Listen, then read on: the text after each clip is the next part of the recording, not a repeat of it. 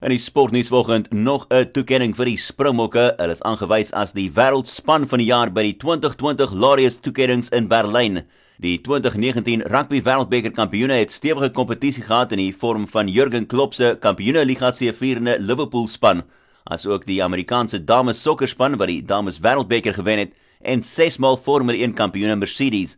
Intussen is Lewis Hamilton en Lionel Messi aangewys as die sportmanne van die jaar en die Amerikaanse gimnas Simone Biles is aangewys as die sportdame van die jaar.